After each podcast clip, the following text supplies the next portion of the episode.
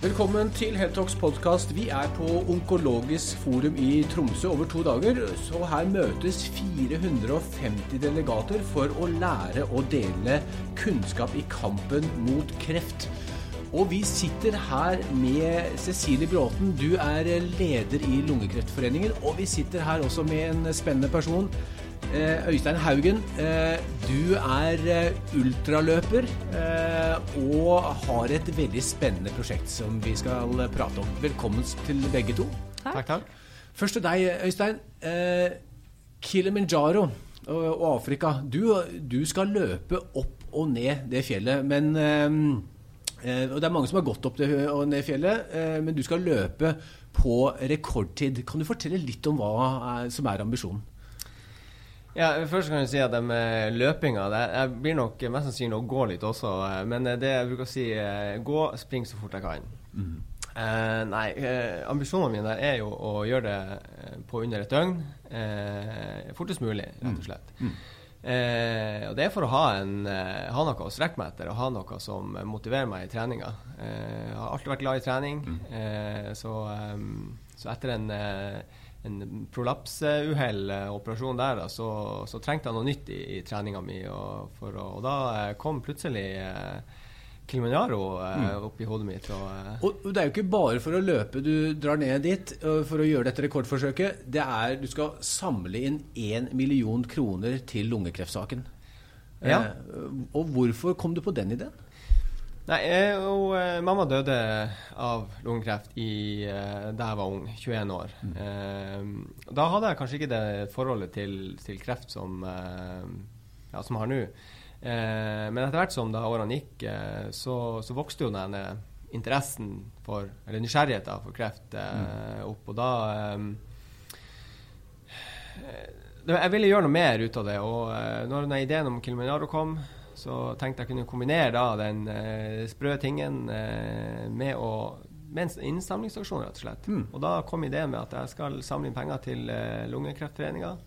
Det er jo en av de minste foreningene vi har, altså, kreft, altså kreftforeninga vi har. Mm.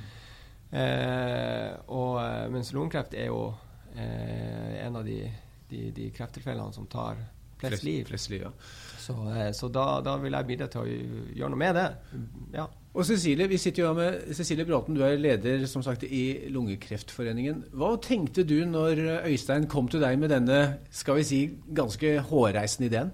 Ja, jeg syns den var hårreisende egentlig, men eh, eh, jeg er jo utrolig takknemlig og stolt over at det er noen som har lyst til å fronte akkurat lunge. For vi er jo, som man sier, en liten forening.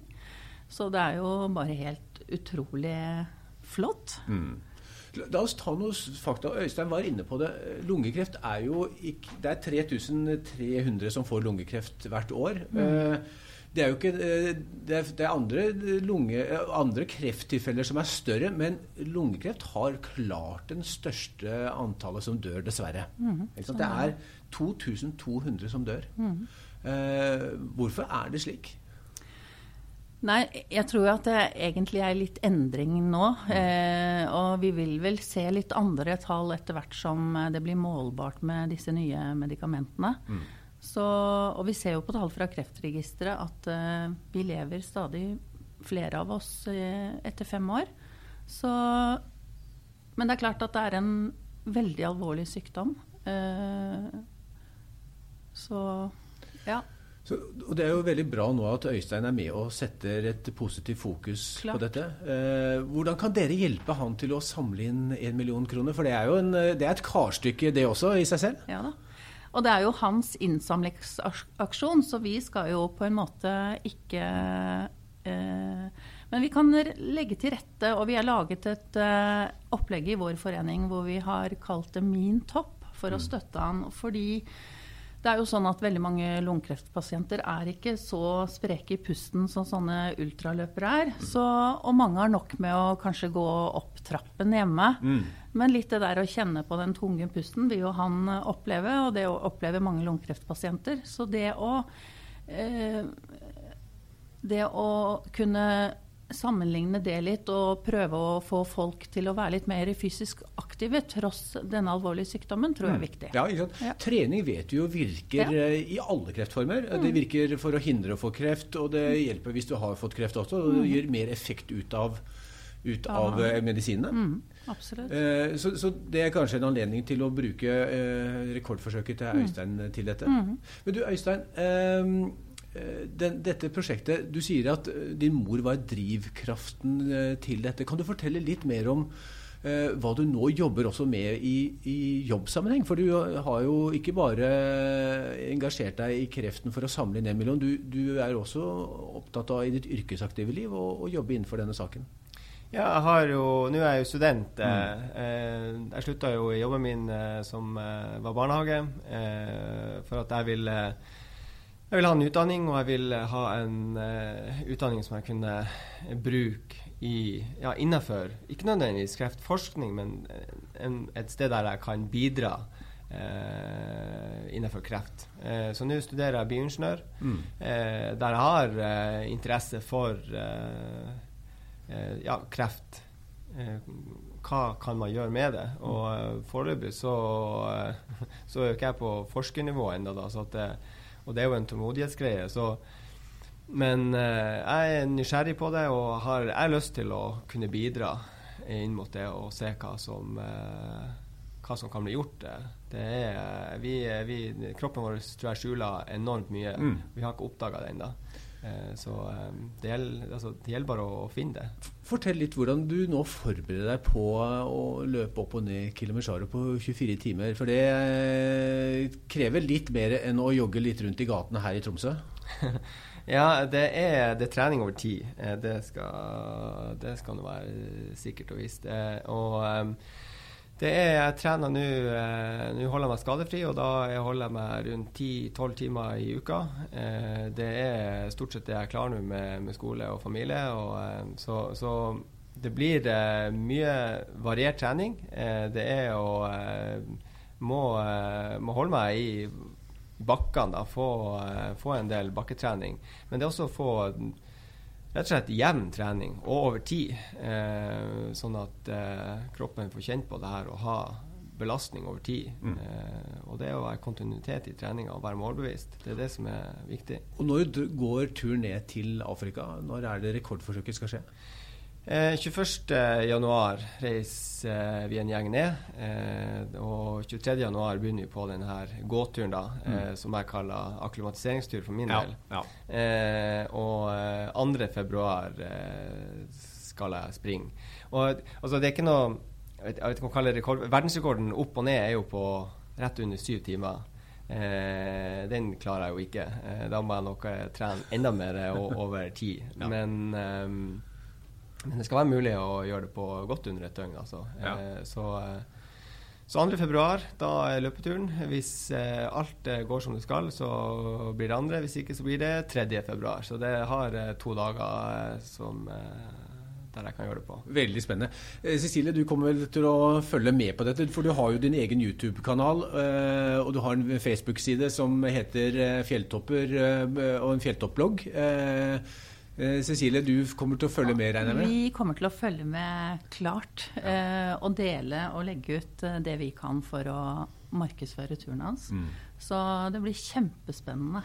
Vi gleder oss til å han kommer i gang. Ja. Mm. Før vi slipper deg helt, Cecilie, la, la oss snakke litt grann om legemidler og behandling av uh, lungekreft. Eh, Som du sier, det har skjedd mye. Det skjer mye. Vi har, vi har akkurat vært eh, sammen, du og jeg, og hørt på et foredrag av eh, ikke ringere enn Jim Allison, som vant nobelprisen i eh, medisin i 2018. Nettopp eh, med, og da for han er utviklet egentlig immunterapien, som har vært en revolusjon innenfor lungekreft. Kan du fortelle litt hva det har betydd for lungekreftpasienter? Ja, Det har bety- betydd enormt, for det har jo vært en diagnose hvor det har skjedd lite i mange år. Eh, Så når det endelig kommer en del medisiner som vi kan ha stor eh, nytte av, så er jo det helt fantastisk. Og det kommer jo stadig nye ting. Men eh, vi ser jo også at det er en del ting Beslutningsforum ikke får igjennom, og det er jo til stor frustrasjon, rett og slett. Og vi føler vel kanskje at lunge er litt stigmatisert. I forhold til eh, andre diagnoser som, eh, som har raskere tilgang til en del av disse medisinene. Mm. Så det er en viktig sak for oss å, å legge fokus på det. Ja. Mm. Beslutningsforum er jo et viktig organ, som du sier. Mm. eh, Og, og hver måned så møtes jo eh, de fire regionsdirektørene. Mm. Og er selvfølgelig grundig forberedt på de beslutningene. Av og til er det positive nyheter, av Mm. og til er det dårlige. Hva er det dere etterlyser av medisiner som fremdeles ikke er godkjent i Norge, men som finnes i andre land? Eh, nå er det f.eks.